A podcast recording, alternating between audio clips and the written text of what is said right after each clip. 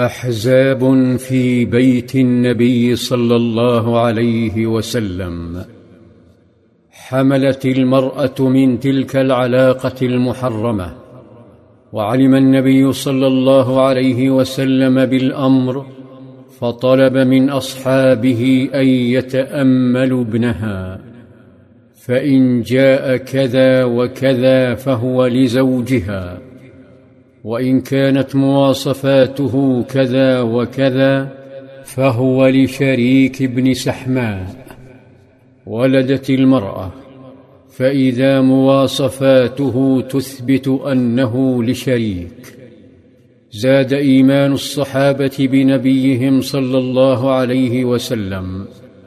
لكنهم ازدادوا ثقة بنظام قضاء لا يعتمد على الغيبيات والكرامات ولا على الظنون بل على الأدلة والبراهين المادية المحسوسة.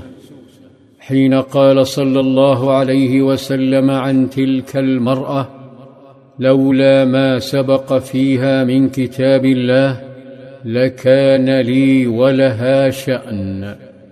وقال صلى الله عليه وسلم في مثل حالتها لو كنت راجما بغير بينة لرجمتها أي أن الذي منعه من إقامة الحد عليها هو تشريع اللعان. فارق بين الحالتين.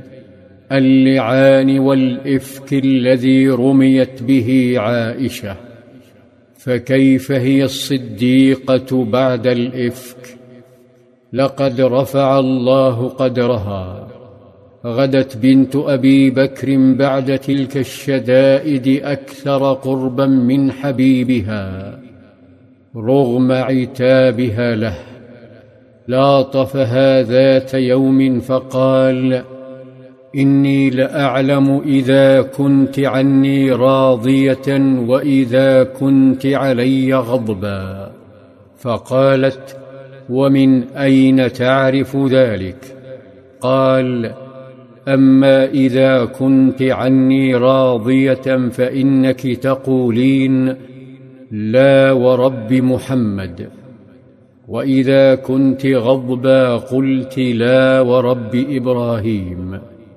ابتسمت وقالت أجل يا رسول الله ما أهجر إلا اسمك. عادت الهدايا في يوم عائشة حتى غارت أمهات المؤمنين. بل انقسمن إلى حزبين حزب ترأسه عائشة ويضم حفصة بنت عمر وسودة بنت زمعة. وحزب ترأسه أم سلمة ويضم زينب وجويرية. ويبدو أن اجتماعا جرى في بيت أم سلمة قلن فيه يا أم سلمة والله إن الناس يتحرون بهداياهم يوم عائشة وإنا نريد الخير كما تريده عائشة. فمري رسول الله ان يامر الناس ان يهدوا اليه حيثما كان. كان الاجتماع بدافع الغيره. والا فلا علاقه لعائشه بهدايا الناس. فهم احرار في توقيت هداياهم. ومع ذلك لا باس من التجربه. دخل صلى الله عليه وسلم على أم سلمة فعرضت الاقتراح عليه فلم يجبها. كررته ثلاث مرات فلما كانت الثالثة قال لها يا أم سلمة لا تؤذيني في عائشة. فإنه والله ما نزل علي الوحي وأنا في لحاف امرأة منكن غيرها. لم ييأس حزب أم سلمة فالمنافسة محتدمة على أزهى المقاعد داخل أجمل القلوب.